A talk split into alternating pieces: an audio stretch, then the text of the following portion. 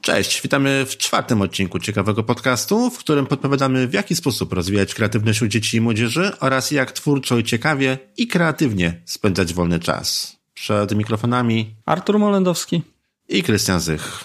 I dzisiaj będziemy kontynuować w pewnym sensie temat z poprzedniego tygodnia. W zeszłym tygodniu mówiliśmy o robotach.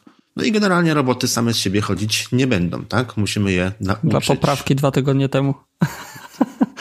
Dwa tygodnie temu, w poprzednim odcinku. O.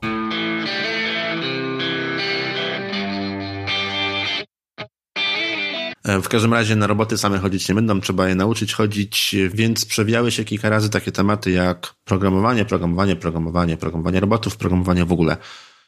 No i postanowiliśmy o tym programowaniu troszkę dzisiaj opowiedzieć. Głównie będzie wypowiadał się dzisiaj Krystian, bo jest e, większym specjalistą, ma większe doświadczenie w programowaniu z dzieciakami niż ja, bo ja programowałem raczej tylko roboty. Sporadycznie gdzieś tam miałem zajęcia z, ze Scratcha i w domu z synem z Minecrafta albo nazwijmy to liznąłem Pythona.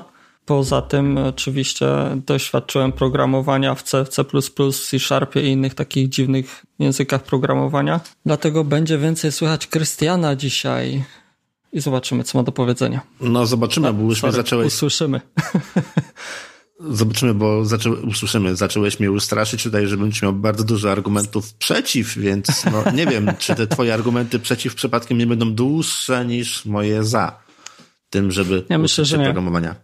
Arturze, cytat na dziś? Cześć. Mówi Edi, wasz pokładowy komputer. Czuje się po prostu wspaniale, chłopaki, i chcę wam powiedzieć, że dam parę kopów na rozpęd każdemu programowi, który zechce się wam przeze mnie przepuścić.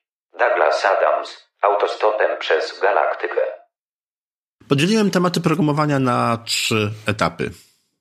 Wymyśliłem mhm. sobie trzy, które mają związek w dużej mierze z tym, z kim tak naprawdę chcemy uczyć się programowania. Bo zupełnie inaczej pracuje się z małymi dziećmi, zupełnie inaczej pracuje się z młodzieżą, zupełnie inaczej pracuje się samemu, niezależnie od tego, czy my jako rodzice próbujemy bawić się w programowanie, czy też e, próbują się bawić nasze starsze pociechy. Dlatego też mhm. podzieliłem takie trzy etapy. I pierwszym etapem byłoby programowanie dla takich zupełnie, zupełnie maluchów. A dziś no maluchów, no powiedzmy 4-6 lat.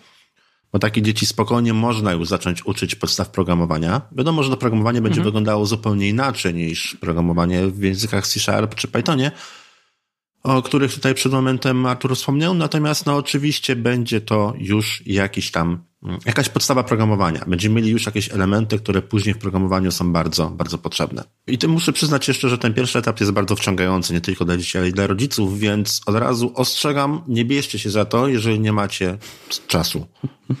Bo to się tak nie da. A w dzisiejszych czasach pandemii mamy dużo czasu. No tak, ale wiesz, wiele osób pracując z domu pracuje od rana do wieczora. Poza tym, jak dzieci przeszkadzają, to pracujemy dłużej. Więc no, od razu, żeby nie było, że nie ostrzegałem. E, w momencie, jak się bierzemy za programowanie, szczególnie właśnie na tym pierwszym etapie, no to, to jest to po prostu bardzo wciągające również i, i dla rodziców. Mhm. Wiem z autopsji, wiem ile czasu ja na to poświęciłem, ile czasu poświęcili na to rodzice dzieci, które przychodziły do mnie na warsztaty. Także, żeby nie było, że nie mówiłem. Drugi etap to już jest takie programowanie troszkę bardziej zaawansowane dla dzieci, które potrafią czytać i dobrze, jeżeli potrafią już pisać. I tutaj wchodzą już narzędzia, o których e, wspomniał Artur, czyli na przykład Scratch. W pewnym momencie pojawiają się już takie prawdziwe języki programowania, e, jak na przykład Python. No i trzeci etap to już dla takich, no wydaje mi się, że przynajmniej dziesięciolatków, którzy będą w stanie sami dużą część materiałów już sobie opanować i będą w stanie już normalnie pisać prawdziwy kod w prawdziwych językach programowania. Natomiast no, na pewno to, że te prawdziwe języki programowania wchodzą dopiero na pewnym etapie, nie oznacza, że to, co jest wcześniej, to nie jest programowanie. No bo myślę, że spokojnie od pierwszego etapu, już od tego, co można zaoferować cztero czy pięciolatkowi, spokojnie można nazwać już jakimiś podstawami programowania, już jakimiś elementami z takiego prawdziwego programowania. My jako dzieci nie mieliśmy za bardzo możliwości bawienia się w programowanie. Ja nie spotkałem się z nikim, kto miałby z mojego pokolenia dostęp do jakiegokolwiek sprzętu, no nie, żebym się czuł jakiś wyjątkowo stary, ale trudno było mieć dostęp do Odry. Jeżeli nie była to Odra... Nie przesadzajmy. Y, typu rzeka. No dobra, okej. Okay. U mnie się pierwsze komputery u znajomych pojawiły w, bodajże w drugiej połowie podstawówki. Mhm. Pamiętam y, Commodore 64, Atari 65, jeden kolega miał Atari C28. Nie widzę, nie, nie przeczytam. Wiesz, Biała kartka. Zbyt Czyli zła to jest jakość. dowód na to, że Pokazuję coś teraz w kamerce Krystianowi, ale to jest dowód na to, że faktycznie nigdy w życiu nie programował na Odrze, bo to, co mu właśnie pokazuje, to jest karta do perforowania w Odrze. Widzę, że jest to karta performowana, natomiast jakoś jest zbyt słaba w tej chwili z kamerki, żebym e, rozszyfrował z czego to. Trochę słabo cię Dobra, widzę po dobra. prostu, nie aż tak dobrze. Lepiej widzę twoje tło. Piękne, już nie minecraftowe. Już nie. No w każdym razie, no wiesz, no mało kto miał dostęp do Odry, tak? No chyba, że do rzeki, Mhm. albo do choroby. Że do choroby to też nie za bardzo. Więc no, te możliwości programowania były no, ograniczone. I ja wiem, że wielu rodziców w tej chwili, szczególnie właśnie z tych e, rodziców, którzy nie mieli dostępu do komputerów, do programowania jako, jako dzieci, bardzo się boją programować w tej chwili. Bardzo się boją w ogóle tematu programowania, no bo w ogóle nie wiedzą, jak to ugryźć. W ogóle nie wiedzą, od czego zacząć. No ja doświadczyłem programowania dopiero w y, klasach licealnych i w tamtych czasach jeszcze nie uznawano y, programowania w PHP i w HTML-u jako języków programowania i programowania. Dla wielu to było prześmiewcze, że ktoś jest programistą PHP, ale to były pierwsze moje spotkania właśnie z, z programowaniem, czyli tworzenie stron internetowych w PHP i HTML-u jeszcze bez CSS-a wtedy, więc to wcale też nie było tak, że mimo, że jestem młodszy, nie wlewając sobie oczywiście, to też nie, nie było tak, że od razu miałem do czynienia z programowaniem, czy miałem możliwość uczenia się programowania, nie? Dla niewtajemniczonych HTML to jest y, to, co odpowiada za wyświetlanie waszych stron internetowych w takim bardzo dużym uproszczeniu, y, bo być może nie wszyscy o tym będą wiedzieli. No u mnie się programowanie pojawiło dopiero w liceum i to właściwie jakoś tak mniej więcej chyba w połowie liceum. Dopiero wtedy w szkole pojawiły się y, komputery, no więc tego programowania za dużo nie było. W domu komputer sobie pierwszy kupiłem, no właściwie już za swoje, także rozumiem, że rodzice mogą się bać takich tematów jak, jak programowanie. Dlatego spróbujmy to trochę odczarować. Od czego ty zaczynałeś? Jako, właściwie może no nie ty, tylko ze swoimi dziećmi, bo wy dosyć dużo robicie tego typu rzeczy. Czy bawiłeś się takimi narzędziami dla 4, 5, 6 latków? Mieliście okazję? Dwojako na to można spojrzeć, bo i tak i nie. Nie dlatego, że nie wykorzystywałem gier planszowych, y, które na przykład y, są dla takich maluchów do nauki programowania, ale mhm. uczyliśmy się programowania z moim synem i córką, to co wspominaliśmy ostatnio na zestawach WIDU. I tam jest takie programowanie blokowe i za pomocą tych puzli graficznych w tablecie i to pomagało nam im wchodzić w początki programowania takiego, jak my teraz rozumiemy ale jeszcze wcześniej, przed tym, była inna forma programowania, bądź też, y, kurczę, w sumie nie wiem, czy to nawet można nazwać programowaniem, bo zestawy RoboKids, które mam z Korei Południowej, y, opierają się na tym, że budujemy robota, do kostki zarządzającej jest podłączany czytnik do kart, tak jak kiedyś były czytniki w sklepach, gdzie się przeciągało kartę z paskiem magnetycznym mhm. żeby zapłacić, to taki, tego typu e, czytnik był, e, jest do, do, dołożony w zestawie, ale karty, które są, mają zapisany program za pomocą kodów kreskowych, tak to jest na produktach spożywczych, na opakowaniach.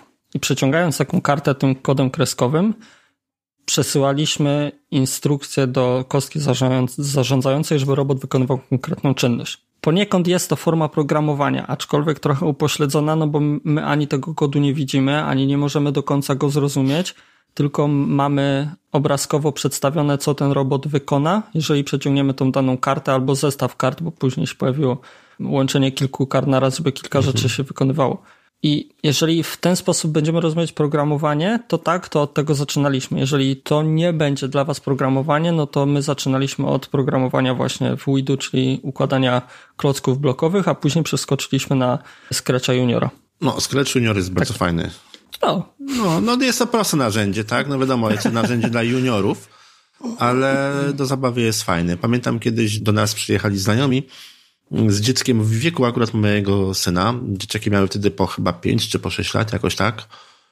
No i trzeba było dzieciaki uziemić w domu. Nie mogły wyjść za bardzo. Nie pamiętam, czy pogoda była też nie tak. Nie pamiętam. W każdym razie chcieliśmy ich uziemić w domu i chcieliśmy ich uziemić w pokoju. Więc położyłem na podłodze tablet, włączyłem Scratcha Juniora i powiedziałem, słuchajcie, to działa tak. Tu się przesuwa, tu się klika, tu się to robi, a tu się widzi efekt. I wyszedłem z pokoju. No i mieli zabawę, nie wiem, ze dwie godziny chyba. Bardzo fajne rzeczy potworzyli.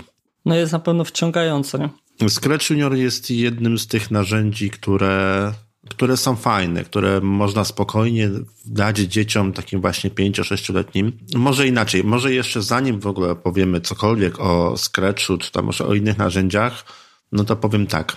Nie ma takiej opcji, żeby uczyć się programowania, nie pozwalając dziecku mhm. na dostęp do telefonu, tabletu, komputera.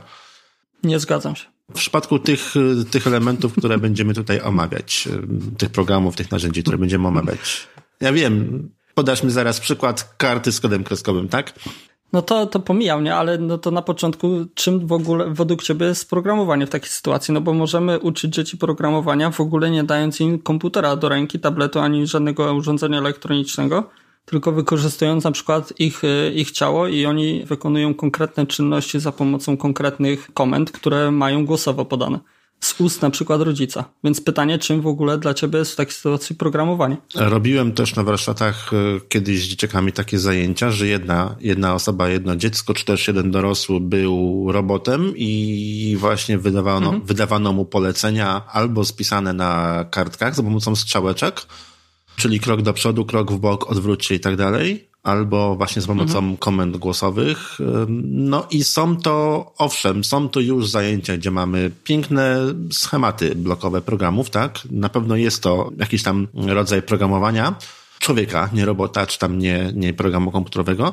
Natomiast mhm. Y, może trochę uogólniłem. Chodzi mi o te narzędzia, które dzisiaj chcieliśmy omówić, które dzisiaj chcieliśmy pokazać.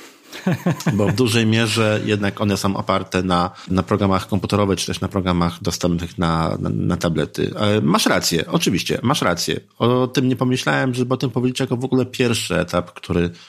Moim zdaniem jest świetną etap zabawą. Zero. Etap zero dla, dla każdego wieku, dla każdego, totalnie dla każdego wieku.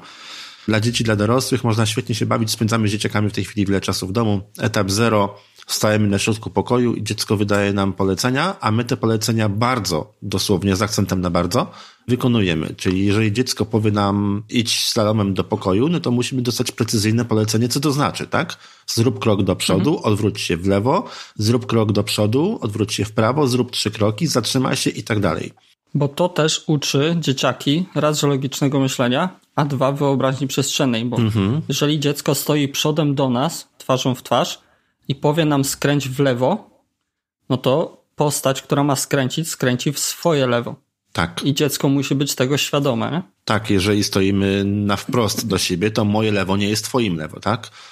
No, to, też, to też o tym trzeba pamiętać. I to również, nawet jeżeli mamy małą przestrzeń i nie możemy za bardzo chodzić po mieszkaniu, to możemy roz, rozrysować sobie albo wziąć szachownicę, czy no planszę do, do, do, do warcap, to, to właściwie prawie każdy w tej chwili w domu ma. Jeżeli nie mamy, to możemy narysować sobie jakąś małą planszę zrobić na niej jakąś małą szachownicę, postawić pionek albo ludzika Lego albo cokolwiek. To może być guzik i w ten sam sposób właśnie kazać mu dotrzeć do jakiegoś konkretnego miejsca. A żeby utrudnić, to po drodze można poukładać krytki, tak żeby zrobić z tego jakiś bardziej zaawansowany labirynt, jakieś przeszkody, że coś trzeba przeskoczyć, że coś trzeba ominąć, y, że gdzieś trzeba pójść właśnie slalomem i tak dalej. No i to jest na pewno mhm. świetny sposób na w ogóle zaczęcie takiej zabawy. I to na pewno jako zajęcie takie właśnie zero, to będzie mhm. rewelacyjne. No myśmy się świetnie bawili na, na, na zajęciach właśnie z 5-6 latkami za każdym razem, jak to robiliśmy. I generalnie to dzieciaki tak wciąga, że przypuszczam, że rodzice szybciej wymiękną niż dzieci. Bo to tutaj, absorbuje. No, to, to absorbuje, to tak, mocno. To absorbuje. Um, natomiast dzieciaki zaczynają wchodzić na wyższy poziom i coraz więcej wymyślają no w pewnym momencie zaczyna się to robić skomplikowane i, i, i zaczynamy tak. przestać ogarniać. Jest taki filmik, nie pamiętam kto go wrzucił, Ktoś opublikował jakiś czas temu w internecie film, gdzie dzieci wydają bardzo precyzyjne polecenia, jak przygotować kanapkę. O, na przykład. Ukrój kromkę chleba, no ale ukrój jaką? W jaki sposób? Tak, połóż ją, ale w jaki sposób? Którą stroną? I, I rodzic bardzo precyzyjnie, najprecyzyjniej jak potrafił, wykonywał polecenia dzieci i bardzo często wyglądało to w ten sposób, że kanapka była pionowo posmarowana z jednej strony czymś tam, z drugiej strony czymś tam innym i generalnie no totalnie nie o to za każdym razem chodziło i takich wersji było kilka. No przyznam, że ja bym się bardzo mocno zirytował, gdyby ktoś miał mi podać w ten sposób przygotowaną kanapkę, no ale dla dzieciaków to jest świetna nauka właśnie, no już musimy użyć trudniejszego słowa budowy algorytmów, tak? Mhm, Czyli takiej struktury, w jaki sposób wygląda w ogóle program komputerowy. No bo to są już elementy programowania, bo w tym momencie pokazujemy już, jak wygląda, jak działa program komputerowy i w jaki sposób komputer go rozumie, że komputerowi nie wystarczy, mhm. czy robotowi nie wystarczy powiedzieć idź slalomem, zacznij od lewej strony i dojdź tam na końcu strzel gola do bramki. No to się tak niestety Dokładnie. nie da. Także pierwszym etapem to możemy zrobić świetną zabawę bez komputerów, bez elektroniki, bez tabletów, nawet bez kartek papieru. Możemy wyjść na podwórko, na ulicę, narysować sobie szachownicę na kartce w jakikolwiek inny sposób. Natomiast kolejne etapy już moim zdaniem fajnie, gdyby miały dostęp do tabletu albo do komputera, więc no, musimy liczyć się z tym, tak. że trzeba będzie dziecku dać już dostęp do tej elektroniki. Aczkolwiek to nie znaczy, że muszą być dostępnie limitowany i możemy to oczywiście, tutaj szczególnie uwaga dla osób, które bardzo mocno pilnują, żeby dzieci zbyt długo nie siedziały przy elektronice. Oczywiście najbardziej możemy mhm. to pilnować, możemy nadzorować, ale też weźmy pod uwagę, że gry czy też programy, które, o których zaraz powiemy, no nie zawsze trzeba będzie traktować jako taką rozrywkę w dosłownym tego słowa znaczeniu, że można je potraktować jako programy edukacyjne i trochę odpuścić też dzieciakom z tym czasem. Mhm. Pierwszy etap programowania dla dzieciaków, które jeszcze nie potrafią czytać, Ważne, żeby potrafiły poruszać myszką albo poruszać chociażby palcami po ekranie. Mhm. Pamiętam, że mój syn, który nie miał dostępu do komputera przez bardzo długi czas, a miał dostęp do tabletu, w momencie jak mu uruchomiłem grę na komputerze, to miał z tym problem, bo nie potrafił za bardzo obsłużyć myszki. Ale dzieciaki szybko łapią, więc wystarczy pokazać kilka razy, jak to działa, do czego służy. Pierwszy taki dosyć fajny, moim zdaniem, etap to są gry typu Run Marco albo Lightbot. Run Marco to jest taka gra, mhm. gdzie mamy chłopca albo dziewczynkę, w zależności od tego, którą postać sobie wybierzemy. I ta postać musi gdzieś dojść. Jest ładna sceneria, jakiś tam park, las, ścieżki i musimy zaprogramować naszego podróżnika, żeby doszedł w określone miejsce. Czyli zrób pięć kroków mhm. do przodu. Pierwszy etap. Drugi etap, zrób cztery kroki do przodu, skręć w lewo i zrób trzy kroki do przodu. I tak dalej, i tak dalej, i tak dalej. I wchodzimy na coraz to wyższe poziomy. Pierwsze kilka etapów jest bardzo łatwych, natomiast w okolicach tam kilkunastu czy dwudziestu kilku etapów wchodzimy już na taki poziom, że już trzeba się naprawdę poważnie zastanowić. Z tym, że no oczywiście nie wymaga to wiedzy programistycznej, wymaga to po prostu logicznego myślenia. I w jaki sposób programujemy nasze postacie? Ty, yy, Arturze, znasz Run Marco albo Nightbota? Znasz któreś z tych narzędzi? Dzisiaj grałem. Dzisiaj grałeś.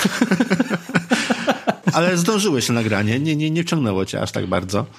E, to coś słabo. Nie, nie, nie, słabo coś. Ale w każdym razie programujemy tam w ten sposób, że po prostu układamy polecenia jedno po drugim w odpowiedniej kolejności, w odpowiedni sposób. Po prostu przyciągamy myszką i przyklejamy jeden klocek do drugiego pod spodem. Jest tam wprawdzie w przypadku Marco są tam podpisy skręć w lewo, skręć w prawo, ale są też strzałeczki, mhm. więc tutaj umiejętność czytania nie jest niezbędna i możemy sobie poradzić również i e, w przypadku zabawy z dziećmi, które nie potrafią jeszcze czytać. No i Ran Marko wciąga, naprawdę, naprawdę wciąga, bo spotkałem wielu rodziców, gdzie na początku też mówiłem chyba o tym w poprzednim odcinku, czy też dwa odcinki temu, zdarzało nam się na warsztatach, że na początku zachęcaliśmy rodziców, żeby dołączyli do dzieci, a na końcu to było, no mamo, no chodź już, poczekaj, poczekaj jeszcze chwilkę, bo jeszcze gram. Także to wciąga, zdecydowanie. Natomiast Lightbot to jest y, program, który na bardzo podobnej zasadzie działa. Też musimy w określonej kolejności określone klocki y, ze strzałkami mhm. ułożyć. Mhm. Z tym, że w przypadku Lightbota mamy robocika, który musi dojść, zapalić żarówkę. Dojść w pewne miejsce, zapalić żarówkę. No i ma jakiś tam tor przeszkód. Lightbot wydaje mi się mhm. troszkę trudniejszy, ale zauważyłem, że 6-7-latki świetnie sobie radzą, świetnie ogarniają i naprawdę nie mają żadnego problemu.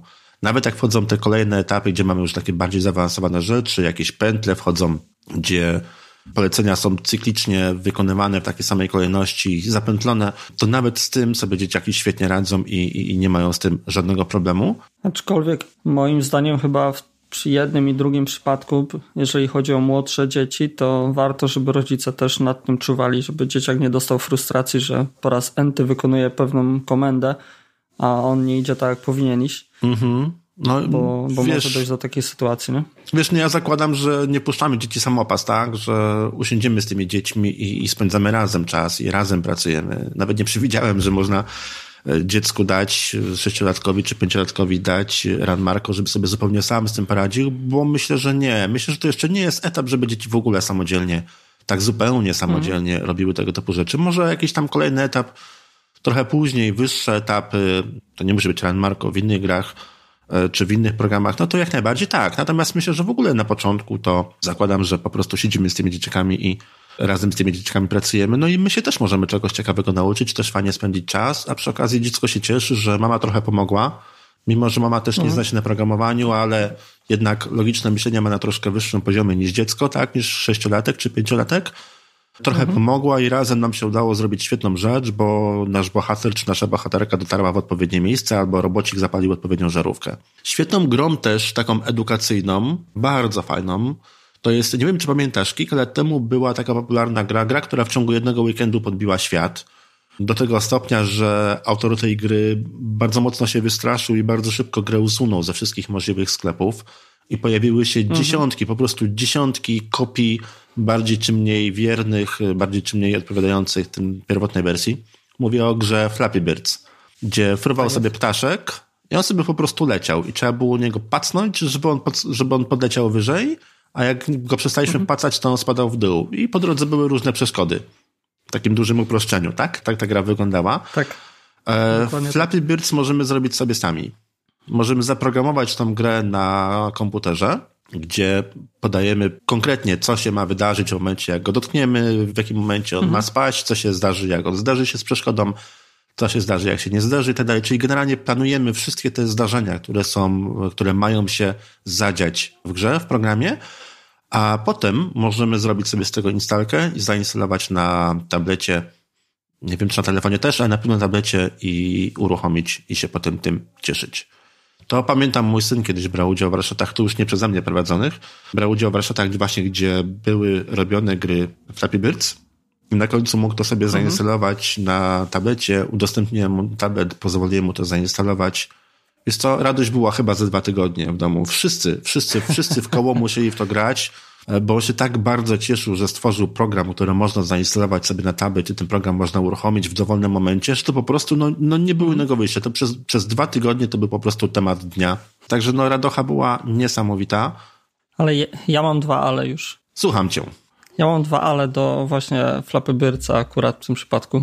Wywołałeś go do tablicy i to jest tak, że programując tam na tej stronie sobie tego Flappy Birdsa, czy tam podróbkę tego, Trzeba zwrócić uwagę na kilka rzeczy i jedną mhm. z takich moim zdaniem najważniejszych rzeczy jest to, że tam trzeba też zaprogramować prędkość poruszania się tego ptoszka. O, tam jest sporo rzeczy do ustawienia, tak? że jak klikasz myszką i nie masz tej prędkości dostosowanej, bo nie wziąłeś tego pod uwagę, to cię może koń z kopyta kopnąć ze złości, bo y, ciężko przelecieć pomiędzy niektórymi rurkami. Mhm. I to jest moje ale, że nie jest to na tyle mocno, na tyle wyraźnie pokazane w tych samouczkach, żeby dzieciak podłapał to, żeby to przypilnować. I w pewnym momencie musisz sam dojść do tego, że, że ta prędkość musi być gdzieś tam zminimalizowana albo zmaksymalizowana. A wiesz, możliwe, możliwe. Mhm. Nie pamiętam dokładnie, jak tam ten manual Jest, bo jestem wyglądał. akurat z tym jestem na bieżąco, bo Chyba w zeszłym tygodniu moje dzieciaki programowały właśnie w Flappy Birdsa.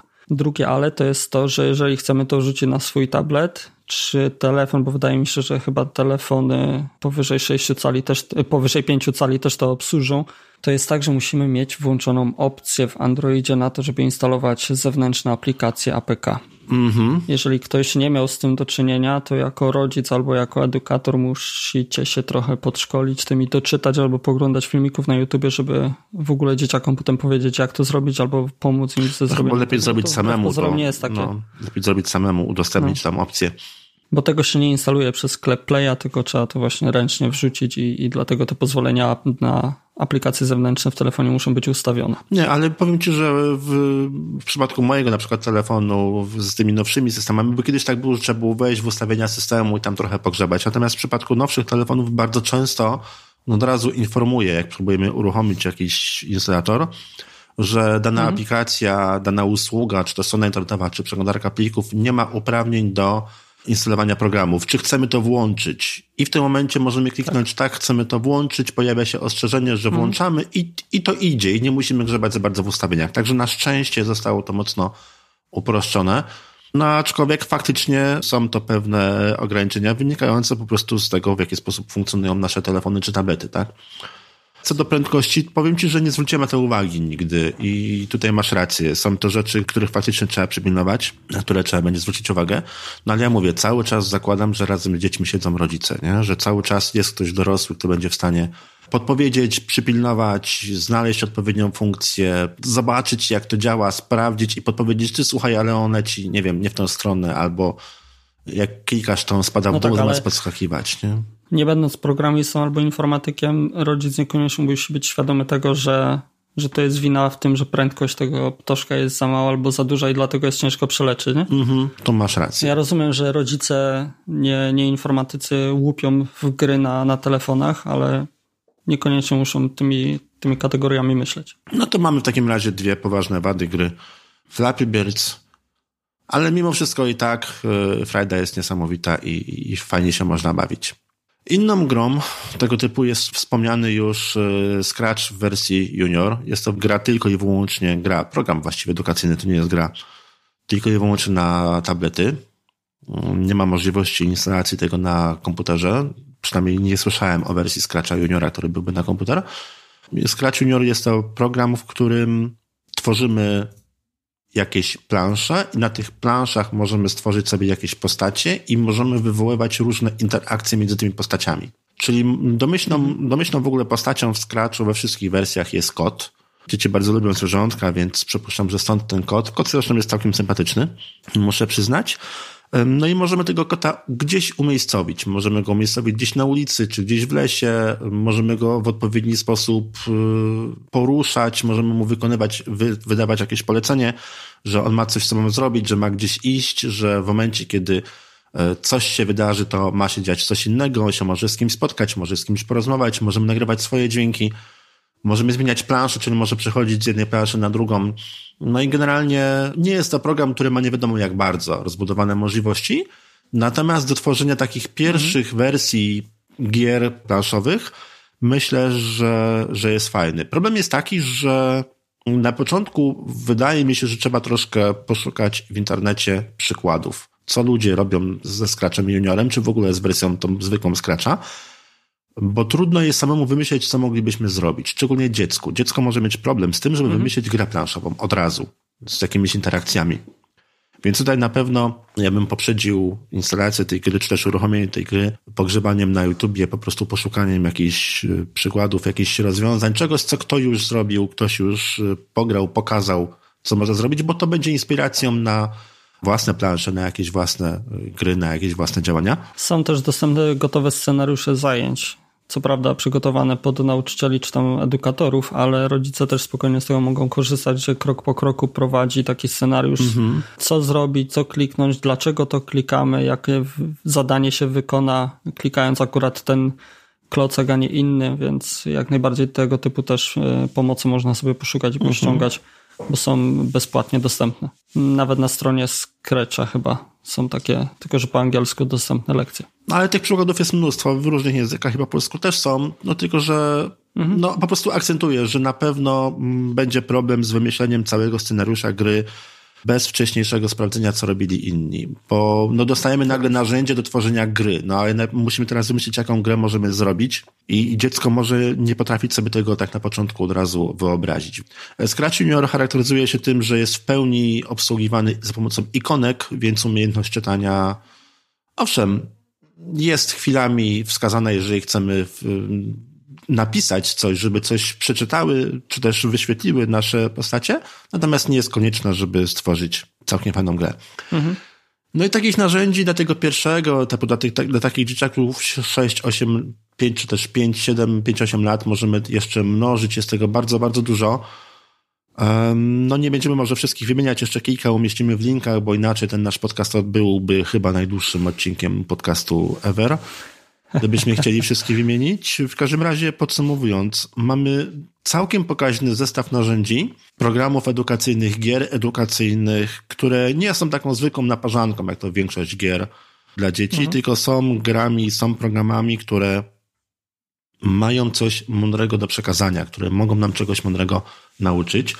Jeżeli w ogóle chcemy wejść w tematy związane z programowaniem, nie? bo dzisiaj jest duży hype na to i nacisk z wielu stron, żeby uczyć dzieci programowania w szkole, w klasach 1-3 uczymy dzieci programowania, na zajęciach komputerowych wszędzie uczymy programowania, wszyscy mają zostać programistami, a niekoniecznie jest to potrzebne. Ja uważam, że błędem jest myślenie, że wszyscy muszą zostać programistami, bo nie wszyscy muszą zostać programistami, tak samo jak nie wszyscy muszą być lekarzami, nie wszyscy muszą się znać na budżecie, nie wiem, miasta czy, czy, czy państwa.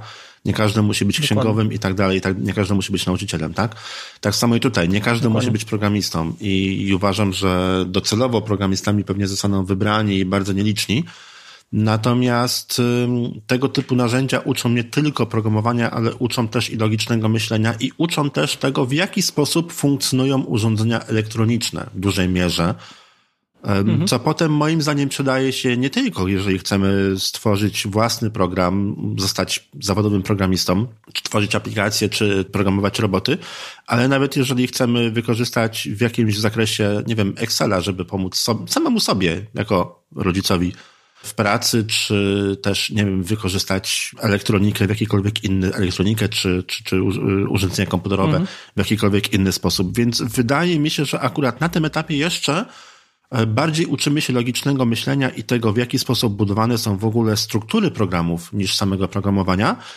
I to jeszcze nie jest ten etap, gdzie możemy mówić, że każdy musi zostać programistą. Tu bym po prostu połączył dobrą zabawę Y, z czymś, co jest po prostu mądre i co może nam się kiedyś w przyszłości przydać, niekoniecznie do programowania. Taka jest przynajmniej moja opinia na temat tego, co w tej części tutaj y, omówiliśmy. To podsumowując, co już możemy zakończyć. nie uczmy dzieci programować.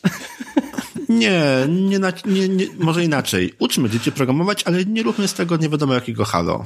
Bo to nie chodzi o to, żeby każdy był programistą. Nie wszyscy muszą się uczyć nie. programować, tak w pełni programować. Ja sobie oczywiście żartuję, bo nie jestem programistą, jestem administratorem, więc innej, innej części IT. Ja też nie jestem programistą. żarty z programowania. No ale rozmawiamy o dzieciach.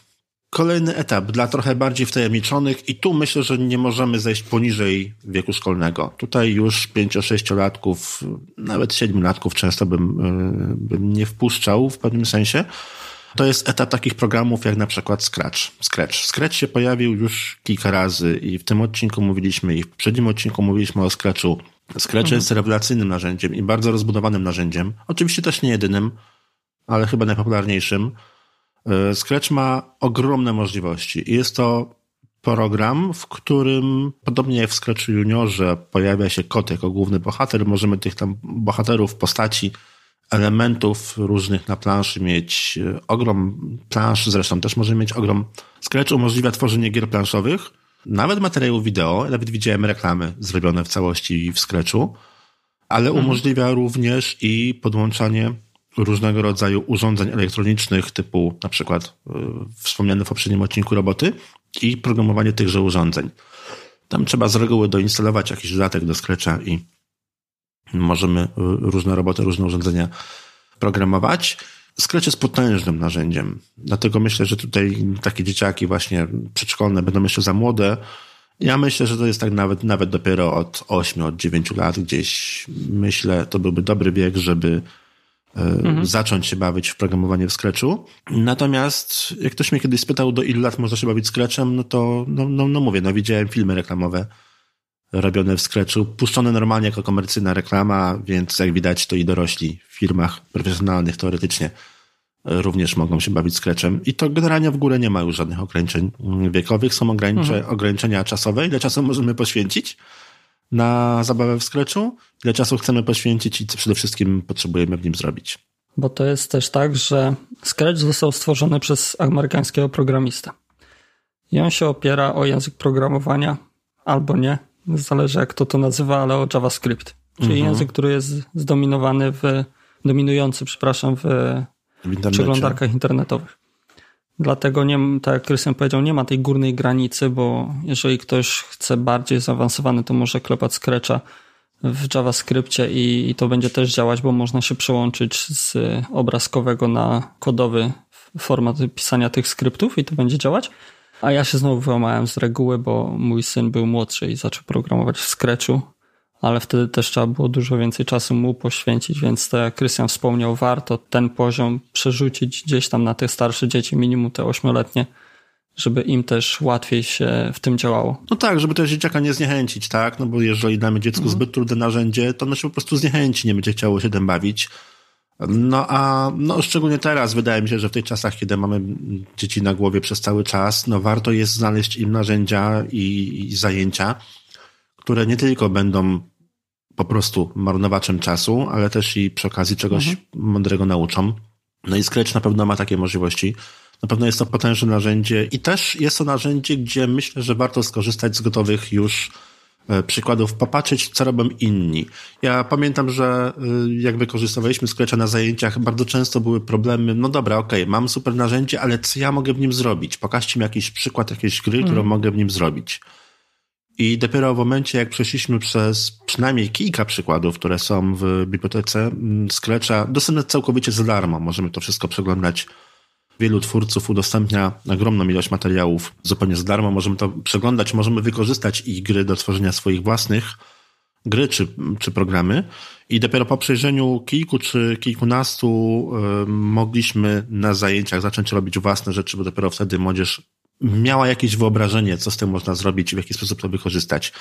Więc warto też zacząć skrecza od y, przejrzenia przykładów po prostu tego, co, y, co zrobili inni jeszcze a propos Scratcha, myślę, że warto wspomnieć o tym, bo, bo to jest też programowane webowo przez przeglądarkę internetową. Nie tylko, można to ściągnąć sobie na, na komputer. E, no tak, można faktycznie na komputer to też ściągnąć, ale plusem programowania przez przeglądarkę jest to, że potem tymi grami, czy filmikami, które stworzymy, czy animacjami, o, może bardziej tak, animacje i, i gry, które stworzymy w Scratchu możemy udostępniać pozostałym osobom, czyli możemy wrzucić, nie wiem, kuzynom, kuzynkom, ciocią, babcią, żeby zobaczyli, jakie e, arcydzieła te nasze pociechy stworzyły, więc to mhm. też jest taka wartość dodana do, do samego Scratcha, że nie tylko sobie siedzimy i, i coś robimy, ale potem możemy się fajnie tym dzielić. No i to jest na stronie Scratcha jest w pewnym sensie taki coś ale portal społecznościowy, gdzie się dzielimy swoimi mm, przykładami, można komentować czyjeś prace, można je oceniać, jeżeli coś nam się podoba, można je wykorzystać, można podejrzeć, jak one wyglądają. Także mhm. no, pod tym względem na pewno, na pewno jest to bardzo mocno rozbudowane. No fakt, można się tym podzielić e, z babcią, żeby babcia zobaczyła, jaki wnuczek czy wnuczka jest zdolny, czy zdolna, tak, jakie rzeczy potrafią zrobić, ale też i podzielić się z kompami z, klas, z klasy i można również pracować mhm. wspólnie nad e, projektami w kilka Dokładnie. osób, gdzie każdy odpowiada za jakąś tam część. I myślę, że to również jest fajne narzędzie, w tym przypadku akurat, do nauki pracy zespołowej. A jak wiadomo, praca zespołowa mm. będzie nam potrzebna zawsze. Bo w większości przypadków nie da się, że pracujemy zupełnie sami z domu. Tak jak mówiący te słowa. Tak jest. Także no, zalet Scratcha jest, jest, jest, jest naprawdę dużo. Ja bardzo lubię zajęcia w Scratchu. Są bardzo, moim zdaniem, twórcze, kreatywne, bardzo rozwijają, bardzo pobudzają wyobraźnię, bardzo zachęcają też potem do innych działań, do innych rzeczy, Zauważyłem, że młodzież, która pracuje w skleczu, ale inaczej niż tylko obowiązek szkolny, czy inaczej niż tylko 45 mhm. minut w klasie. Jak robi coś w domu, poza zajęciami obowiązkowymi, na jakichś zajęciach dodatkowych, w jakichś klubach, kółkach, gdziekolwiek, e, zauważyłem, że taka młodzież jest dużo bardziej kreatywna i dużo chętniej podchodzi do rozwiązywania trudnych problemów również w zupełnie innych e, kwestiach, w zupełnie innych dziedzinach życia. No bo jak to? Przecież to trzeba znaleźć sposób, tak, żeby obejść mój problem. Jak nie pójdzie z lewej, to pójdzie z prawej, no ale dojść musi, tak? I mhm. myślę, że to jest bardzo duża zaleta Scratcha. W ogóle zresztą, nie tylko Scratcha, ale tego typu narzędzi. Nie tylko jeżeli chodzi o programowanie, nie tylko w kwestiach nauki, mm, funkcjonowania w tym świecie IT. Ja miałem bardzo dużo do czynienia ze Scratchem, aż za dużo i jestem jednym z tych, którzy negują Scratcha i, niechętnie do niego podchodzą i niechętnie go polecają, ale nie dało się tego tematu pominąć, więc nie przerywałem Krystianowi. Ale są też inne, Krystian. E, tak, są też inne, programy. ale jesteś negatywnie nastawiony do Scratcha ze względu na przesyt, czy ze względu na jego funkcjonalność? Nie, funkcjonalność nie. Tak jak wspomniałem, dla mnie plusem wiele wartości dodanych ma Scratch sam z siebie i pod tym względem to było fajne, ale po prostu jest przesycone, bo mhm. wszystkie lekcje w szkołach prowadźcie na Scratchu. Wszystkie zajęcia dodatkowe prowadźcie na Scratchu. ucz się w domu z dziećmi programowania, weź Scratcha. Wszędzie jest Scratch, nie? Kup książkę, nauka programowania dla dzieci, Scratch. Trochę tego e, jest za dużo moim zdaniem i niekoniecznie potem to jest przekazywane tak, jak powinno być przekazywane, nie? Bo w szkołach jest na przykład zrobione tak, Oczywiście nie generalizuję, jak jakiś nauczyciel teraz będzie oburzony na mnie, przykro mi, ale wielu nauczycieli tak zwanej informatyki, czyli nauczycieli, którzy informatykami nie są, ale tego uczą, dają jakieś zadania, zróbcie to w Scratchu, tu i tak, i tak, i tak, poprzesuwajcie te klocki, to będzie działać. I to zniechęca dzieciaków, mhm. bo nie ma tej żyłki, takiej gwiazdki, która spowoduje, że dzieciak zachęci się i stwierdzi, że kurde, to może ja w domu usiądę, zrobię coś więcej. Nie, on podejdzie do tego, że no znowu, nie? Trzeba znowu to klepać, trzeba znowu robić jakieś dziwne gry, to mi się nie podoba, to jest nudne, to nie rozwija, to nic nie daje i w domu do tego nie usiądzie, nie? A hasło rzucasz na przykład Minecrafta w szkole? Nie, gdzie Minecrafta? Żadnego Minecrafta. Wszyscy tylko w Minecrafta grają a przychodzi co do czego, dzieciak siada w domu i on programuje w Minecrafcie. On potrafi zrobić swoje mody, on potrafi postawić swój serwer na Minecrafcie, on potrafi zdziałać różne dziwne rzeczy, ale o Minecrafcie to ty chciałeś za chwilę mówić. E, o Minecrafcie chciałem właśnie zaraz wspomnieć. Minecraft jest jednym z tych narzędzi, które mogą być świetną alternatywą do Scratcha, ewentualnie narzędziem, które uzupełni Scratcha, no generalnie dla podobnej grupy wiekowej, które również bardzo mocno rozwija. Hmm. No i Minecraft, hmm, ja miałem o Minecrafcie kiedyś bardzo mieszane uczucia. Nie do końca byłem zadowolony z tego, że dzieciaki chcą grać w Minecrafta. No to jeszcze, mhm. jeszcze zanim mój syn dojrzał do takiego wieku, żeby zacząć grać w Minecrafta, ale w ogóle jeżeli chodzi o dzieci na zajęciach, które prowadziłem, i wynikało to prawdopodobnie z tego, że tego Minecrafta po prostu nigdy aż tak dobrze nie poznałem. Natomiast Minecraft, wbrew pozorom, jest wcale nie takim głupim narzędziem. No pomijając to, że masz mieczyk i idziesz i tłuczesz jakieś tam potwory, tak? No bo w, no, no to jest taki element już yy, faktycznie, który... No... Nie musisz potworów, możesz owce zabijać. I króliki, króliki ewentualnie, ale można hodować tak. kotki za to. Mój, tak. mój syn hoduje kotki. No w każdym razie, no to, to, to nie jest y, jedyny element, który można zrobić w Minecrafcie. Minecraft bardzo mocno rozwija wyobraźnię przestrzenną. Bardzo, bardzo mocno. Jest to jedno chyba z najlepszych przykładów na rozwijanie przestrzeń, wyobraźni przestrzennej, siedząc w jednym miejscu w domu przy komputerze czy przy, przy, przy telefonie. No właśnie, mam ale, bo to nie jest tak, że w Minecrafcie tylko można zabijać albo hodować klocki, bo jest specjalna wersja edukacyjna mm -hmm. stworzona chyba przez Microsofta, jak go wykupił. Tak. A może już było wcześniej, no ale jest wersja edukacyjna, gdzie nie ma żadnego zabijania, nie ma ani, potw- to znaczy potwory są, ale nie, nie ma zabijania potworów, nie ma zabijania owiec, tylko jest ten nacisk właśnie na edukację, a nie, a nie na typową grę w Minecrafta, tak jak to widać czasami w internetach. Mhm. Tak, wersja edukacyjna pozwala na tworzenie własnych dodatków do gry, na rozbudowywanie tej gry. Zresztą nawet w zwykłej wersji możemy robić bardzo zaawansowane rzeczy, mhm. bo przecież jest tam, nie wiem, to z czerwonego proszku, czy tam z czegoś tam się robi jakieś przekładnie, przyciski, które w odpowiedni sposób mhm. działają, jakieś urządzenia, które grają. Mój syn dzisiaj rano robił mi jakieś dzwonki do drzwi, tym podobne rzeczy. Poza tym są, wystarczy zajrzeć na YouTube'a i, i wpisać hasło komputer 8-bitowy w Minecrafcie, jakie cuda ludzie potrafią stworzyć. W zwykłej wersji gry to nie musi być wcale ta wersja edukacyjna. W każdym razie wersja mhm. edukacyjna gry pozwala na jej rozbudowywanie, na uczenie się programowania właśnie przez tworzenie elementów do e, Minecrafta, na tworzenie dodatkowych modów tak zwanych, czyli elementów, które modyfikują jakieś, czy rozbudowują jakieś parametry gry, czy na tworzenie poszczególnych elementów, na, na tworzenie jakichś poszczególnych, nie wiem, działań czy innych rzeczy, po prostu czegoś, co, co, co w, tej się, w tej grze się dzieje. I wersja edukacyjna Minecrafta jest e, dla szkół. Ona chyba, ja nie wiem, czy ją można ściągnąć taki, do domu sobie samemu. To musielibyśmy sprawdzić. Natomiast na 100% dostępna jest dla wszystkich e, jednostek edukacyjnych. Na pewno dostępna jest dla szkół, także na pewno szkoły spokojnie, bez żadnego problemu mogą z niej skorzystać. Czy w domu można, to nie wiem. To myślę, że musielibyśmy po prostu sprawdzić. Wydaje mi się, że chyba tak. Ale, ale to do sprawdzenia. Minecraft.net to jest, myślę, do sprawdzenia, czy no wersję edukacyjną możemy wykorzystać w domu, czy nie.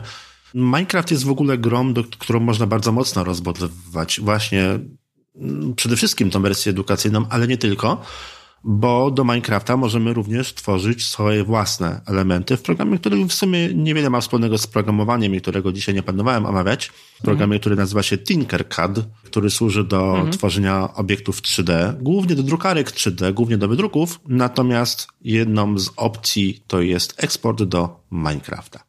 Także można tworzyć również do Minecrafta swoje własne elementy w zupełnie innych programach, które teoretycznie z programowaniem nic nie mają wspólnego i sobie tę grę bardzo mocno e, rozbudowywać.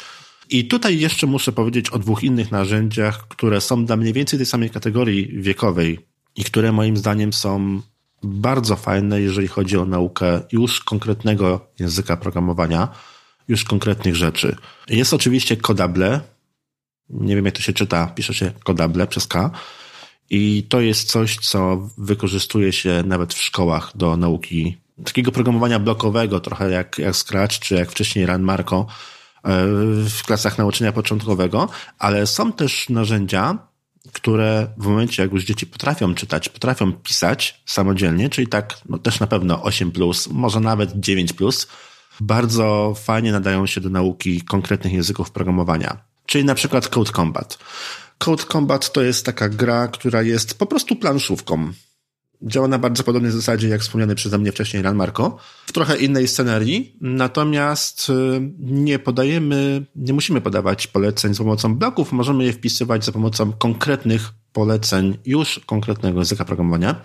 I tam mamy do wyboru, jeżeli pamiętam, dwa, jest Python i jest JavaScript, przy czym są oczywiście instrukcje jak to zrobić. Są oczywiście polecenia przykładowe, są przykładowe programy, które tam działają i to jest moim zdaniem fajny krok, może nie pierwszy, ale jeden z takich pierwszych kroków, żeby przechodzić z takiego programowania blokowego, bez pisania żadnego kodu, do programowania już takiego, no powiedziałbym prawdziwego, tak? W prawdziwym języku programowania. No zarówno Python, jak i JavaScript są bardzo popularne i można je wykorzystać na kilka milionów różnych sposobów, jak to chce. Także tutaj mamy bardzo duże już pole do popisu i Code Combat jest jedną z takich platform, jednym z takich narzędzi, które moim zdaniem są fajne, żeby zacząć programować w tych językach. Ja powiem tak, mój syn, bo oczywiście mówimy o czymś, co, co do, już doświadczyliśmy, to nie jest tak, że nie znamy tych, tych platform czy gier, może ja nie znam wszystkich.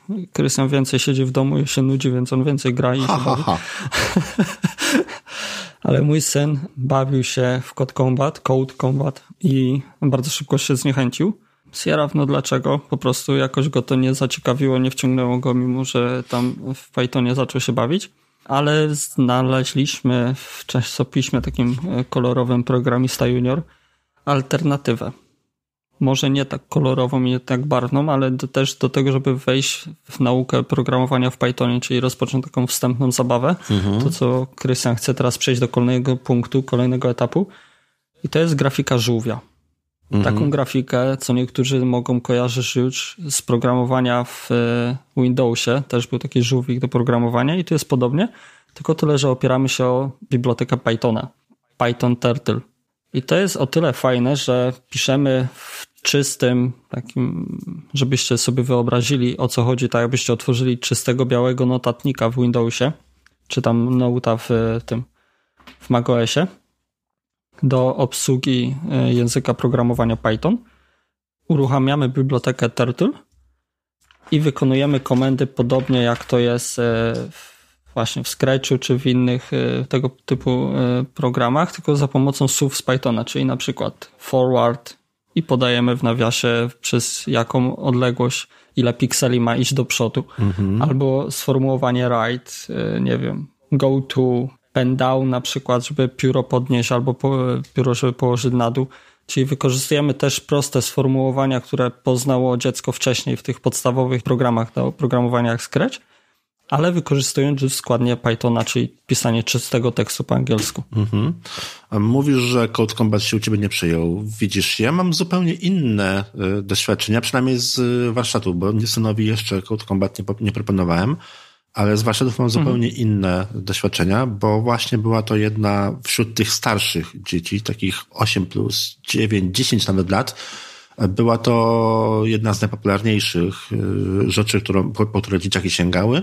I właśnie częściej sięgały po Code Combat niż po Scratcha i narzędzia Scratcha podobne, czy też niż po jakiekolwiek inne gry. Ten e, Code Combat był tak popularny, że w pewnym momencie w ogóle chcąc zrealizować jakikolwiek inny materiał, przestawałem na zajęciach mówić o istnieniu Code Combatu. Mhm. Bo po prostu tak bardzo wciągał. Nie, to wiesz, to, jest, to była subiektywna opinia, nie? Mój syn za chwilę kończy 9 lat w lipcu i to było jego podejście, że niekoniecznie mu się to podoba, mhm. nie? Znaczy się, wydaje mi się, że to w ogóle większość tych rzeczy to będzie indywidualne podejście, co się komu podoba, no bo dziewczynkom może się nie no podobać właśnie. bieganie z mieczem, tak? A, a chłopcom się nie będzie podobało mhm. coś tam innego. Jedna osoba lubi bardziej takie rzeczy, inna bardziej jakieś inne. Więc wiadomo, również tutaj w tym przypadku, ja znam osoby, które bardzo nie lubią Scratcha. Nie są w stanie się do niego przekonać. No, mimo tego, że narzędzie jest no. najpopularniejszym na świecie. I... Doskonale je rozumiem. Nie, ja wiem, że Scratch, można odczuć przesyt, jeżeli chodzi o Scratcha. I naprawdę znam osoby, które po prostu nie są w stanie w Scratchu, po prostu nie cierpią go od samego początku, od momentu jak go poznały, nie są w stanie go używać. Także dużo zależy od tego, co chcemy osiągnąć i od tego, co tak naprawdę nasze pociechy lubią, co im sprawia większą przyjemność. Dokładnie, no ale przychodzi taki moment, że dzieciaki już nie chcą się bawić w układanie klocków, mm -hmm. już w sensie tym wirtualnym, czyli programowania klockowego, nie chcą już grać w gry RPG, które e, są programowalne przez nich, tylko chcą zacząć programować. Tak. Żywcem. Żywcem. Tak to nazwijmy. I co wtedy? No i co wtedy? Idziemy do C. I czy do assemblera? Idziemy do assemblera, tak. Kolejnym etapem no to już będą faktycznie konkret, konkretne języki programowania. I tutaj oczywiście mhm. narzędzia do tego wszystkiego są, z tym, że muszę przyznać, że ja tych narzędzi takich gropodobnych, które wykorzystują jakieś elementy gier, czy elementy jakieś takie, może nie chcę używać słowa gotowców, ale jakichś takich kreatorów, może w ten sposób powiem. Ja z tego typu narzędzi już nie korzystałem na tym etapie, więc trudno jest mi cokolwiek hmm. o nich powiedzieć, bo po prostu nie mam wyrobionego na ich temat zdania, nie mam żadnej, żadnej opinii i mógłbym ewentualnie przeczytać instrukcje z internetu, ale to nie o to chodzi. Bo to jest tak, że wchodząc już w stricte w język programowania, czy to będzie Python, czy to będzie JavaScript, czy nawet, nie wiem, C Sharp, no to musimy już wziąć pod uwagę sam fakt tego, że to już jest programowanie tak. i potrzebujemy do tego odpowiednich e, programów. Można to połączyć oczywiście z zabawą, to co wspominaliśmy mhm. wcześniej, bo można w Minecrafcie uczyć się Pythona, można w, w Turtle też uczyć się Pythona, można uczyć się JavaScriptu w Scratchu I, i tych języków programowania możemy dużo wcześniej się zacząć uczyć ich składni, ich sformułowań, mhm. tych y, pętli, jak są formułowane, tak, jak są formułowane zależności. Nie jestem programistą, nie będę wymyślał. Ale chodzi o to, że mamy jakąś bazę, ale przychodzi taki moment, że kończą się gry, kończą się, tak jak Krystian wspomniał, jakieś gotowce i trzeba przejść do czystego programowania. I tam już jest zabawa taka, że wszystko tworzę od podstaw sam. Jeżeli chodzi już o konkretne języki programowania, to wydaje mi się, że właśnie wspomniane, najczęściej chyba wspomniane, wspominane przez nas tutaj JavaScript i Python, to będą te rzeczy, które mhm. przyjmą się chyba najszybciej. One będą chyba najłatwiejsze, będą chyba najfajniejsze do takiej nauki programowania ponieważ też nie wymagają zaawansowanych narzędzi i one oba są stosunkowo proste, jeżeli chodzi o podstawy. Nie musimy, żeby uruchomić swój pierwszy program, to nie musimy nie wiadomo jak długo siedzieć przy komputerze, programować, kompilować, nie wiadomo co jeszcze. One będą stosunkowo proste do napisania, takich pierwszych rzeczy, które, w których po prostu widać efekty i będą stosunkowo proste do uruchomienia. Więc wydaje mi się, że Python i JavaScript to byłyby te, od których można zacząć. No z tym, że jest to już zdecydowanie dla starszych i zdecydowanie nie jest to już nic kolorowego, obrazkowego, tak? No bo mamy albo biały, albo czarny, albo jakiś, nie wiem, w odcieniach szarości edytor i po prostu już piszemy czysty kod, mhm. czysty tekst. Bardzo dużo jest przykładów wykorzystania Pythona i JavaScripta, y, JavaScriptu w, w internecie. Nie chcę podawać konkretnych stron, ponieważ tych przykładów jest tak dużo, że na pewno bym sporo wartościowych pominął, ale warto zajrzeć do Google'a, warto poszukać jakichś przykładów, jak nauczyć się, jak zacząć programować, albo jak nauczyć dziecko programować, bo też i takie są w Pythonie czy w mhm. JavaScriptie. No i to już pewnie będą w dużej mierze narzędzia i rozwiązania, z których e, młodzież będzie korzystała samodzielnie, bez naszej pomocy. Już e, nie, nie, my nie będziemy tam za bardzo potrzebni, chyba żeby ewentualnie pomóc trochę z angielskim, jeżeli się okaże, że trafiliśmy na jakiś wartościowy anglojęzyczny materiał. Natomiast po polsku też można całkiem sporo informacji na, na ten temat znaleźć. Masz książkę.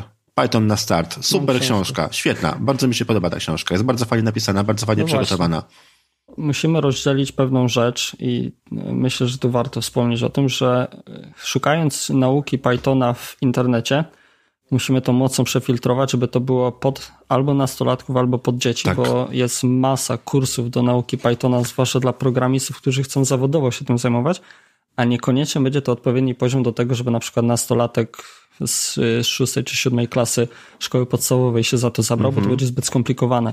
A są proste książeczki, są proste instrukcje w internecie właśnie dla takich dzieciaków, żeby one nauczyły się tych podstaw programowania, nauczyły się języka i składni, albo się zniechęciły, bo też tak może być, będą szukały innych rozwiązań, bo na przykład ktoś chce programować aplikację na smartfony i wtedy na przykład przychodzi z pomocą coś, co się nazywa App Inventor, który też pomaga mhm. poznać podstawy tworzenia takich aplikacji na, na smartfonach chociażby, dla przykładu.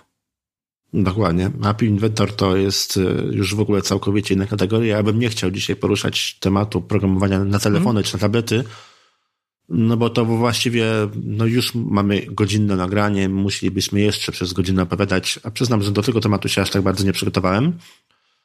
Nie, nie, ja nie chcę poruszać tego tematu, tylko chodziło mi o to, żeby właśnie zwrócić uwagę na przefiltrowanie tych wiadomości, mhm. żeby trafi na takie dla dzieci, albo ewentualnie, żeby dziecko jak coś pozna, to może się zniechęcić. To nie jest tak, że wszystko wciąga i wszystko interesuje, bo Python jest akurat prostym językiem i w Pythonie się fajnie programuje i można fajne skrypty pisać. JavaScript nie jest aż tak przyjemnym językiem, mimo że też w nim programuje pod strony internetowe i, i można się tym bawić i tworzyć gry nawet, ale to zależy od dzieciaka, na ile poświęci swój czas, ma ambicje i chęci do tego, żeby siedzieć i, i pisać ten kod. No, JavaScript bardzo często nie wystarcza sama JavaScript. Bardzo często potrzebny jest jeszcze HTML, CSS, jeszcze parę innych rzeczy. To bardzo często Dokładnie jest tak, tak, że nam się zrobi z nauki jednego języka programowania robi nam się nauka całej grupy języków programowania, tak? Kilku rzeczy. I to, no faktycznie dla dzieci to nie zawsze będzie łatwe, ale mimo wszystko jednak wiele osób próbuje uczyć się programowania właśnie na JavaScriptie i wiele osób robi to z sukcesem. Można zrobić wiele fajnych rzeczy. Z tym, że gdybym miał porównywać w tej chwili popularność Pythona do JavaScripta, to wydaje mi się, że chyba Python będzie popularniejszy do nauki programowania. Chyba no, więcej rzeczy, więcej rzeczy jest e, dostępnych, takich, takich fajnych, takich dla dzieci mhm. właśnie, dla młodzieży, takich łatwych do nauki programowania w Pythonie niż e, w JavaScriptie. No i Python potem bardzo łatwo rozwijać i bardzo łatwo potem tworzyć. Już jeżeli ktoś faktycznie zdecyduje się być tym programistą, czy wykorzystywać w jakikolwiek sposób programowanie, no to no przed Pythonem stoi duża przyszłość, tak? Krystianie, nic dodać, nic ująć. Nie opowiedzieliśmy o milionie jeszcze innych programów. Na pewno nie powiedzieliśmy nie jeszcze o milionie innych stron internetowych, na które warto zajrzeć. Wspomnę tylko o jednej. Jest nie coś, powiemy. Ja tylko o jednej wspomnę. Jest coś takiego, co nazywa no się dobra. godzina kodowania. Dla młodszych, dla tej pierwszej, drugiej grupy, którą wcześniej powiedziałem, czyli dla, no, może być przedszkolaków, dla dzieci tak 6, 8, 9 lat, może do 10 E, jak poszukamy na, e, w internecie godziny kodowania, znajdziemy mnóstwo ciekawych rzeczy, przy których można się po prostu fajnie pobawić, też i przy okazji czegoś nauczyć. E, natomiast no też nie było tutaj moim zamiarem wyliczenie wszystkiego, co możemy zrobić z dziećmi, z młodzieżą, jeżeli chodzi o naukę programowania, bo musielibyśmy zrobić mhm. tutaj taki faktyczny już najdłuższy podcast ever żeby wymienić przynajmniej te narzędzia, już nie mówiąc o, o, o ich opisaniu. Także no, tym się zajmować nie będziemy. Ale podobnie jak z odcinkiem o robotyce, to miało być tylko odcinek wprowadzający do tego tematu i spojrzenie nasze ojców i informatyków i podcasterów na temat programowania, bo ten temat pojawi się jeszcze pewnie nie raz, nie dwa, gdzie będziemy rozszerzać pewne tematy związane właśnie z programowaniem czy z jakimiś programami, językami programowania i działaniem tym. Na pewno rzecz, którą bardzo mocno bym chciał zaakcentować. Mówiłem już o tym, ale chciałem to zaakcentować. Nie bójmy się nauki programowania razem z dziećmi. Usiądźmy z tymi dziećmi i te prostsze programy, te, które wymieniliśmy dzisiaj na początku, są naprawdę dosyć, wydaje mi się, proste do zrozumienia. Są to w końcu programy pisane dla dzieci, więc nie sądzę, żeby tam były takie problemy, że musimy mieć nie wiadomo jaką wiedzę, żeby dziecku pokazać, jak zacząć się takimi narzędziami bawić. Wprost przeciwnie, uważam, że one są wystarczająco intuicyjne i wystarczająco łatwe w obsłudze. Wiele z nich nie wymaga żadnych rejestracji, żadnych kont, żadnego czytania, potwierdzenia, niczego. Po prostu włączamy i działa. Więc y, bawmy się z dziećmi, poświęćmy trochę czasu. To nie musi być dużo czasu. Poświęćmy te paręnaście minut, pół godziny, godzinę, czy ile tam mamy na tego typu wspólną zabawę z dzieciakami. Tak jest. Jak będziecie mieć jakieś ciekawe programy, jakieś ciekawe projekty, poróbcie zrzuty ekranu. Jesteśmy ciekawi również bardzo komentarzy. Jakie pomysły na wspólną naukę, na wspólną naukę programowania y, znaleźliście, co wymyśliliście? Na pewno warto zacząć od kartek czy od chodzenia po ogrodzie. To jest świetna zabawa, bardzo mocno zachęca później do dalszej pracy. A ja zachęcam Was, żebyście przyszli do naszych mediów społecznościowych, bo tam cisza, cisza, normalnie jak makiem zasiał. Więc zachęcamy Was, żebyście subskrybowali nasz podcast w swoich aplikacjach do słuchania podcastów, lajkowali, komentowali na mediach społecznościowych, na Instagramie, na Facebooku, na Twitterze, czasami też na LinkedInie, jeżeli nas prywatnie znajdziecie. I co? do usłyszenia już za dwa tygodnie. No i koniecznie udostępniajcie nasze podcasty, nasze odcinki swoim znajomym, którzy mają dzieci. Możecie to również i wysłać nauczycielom, żeby oni podzielili się również i tymi nagraniami z uczniami, z rodzicami. I do usłyszenia za dwa tygodnie. Trzymajcie się. Cześć.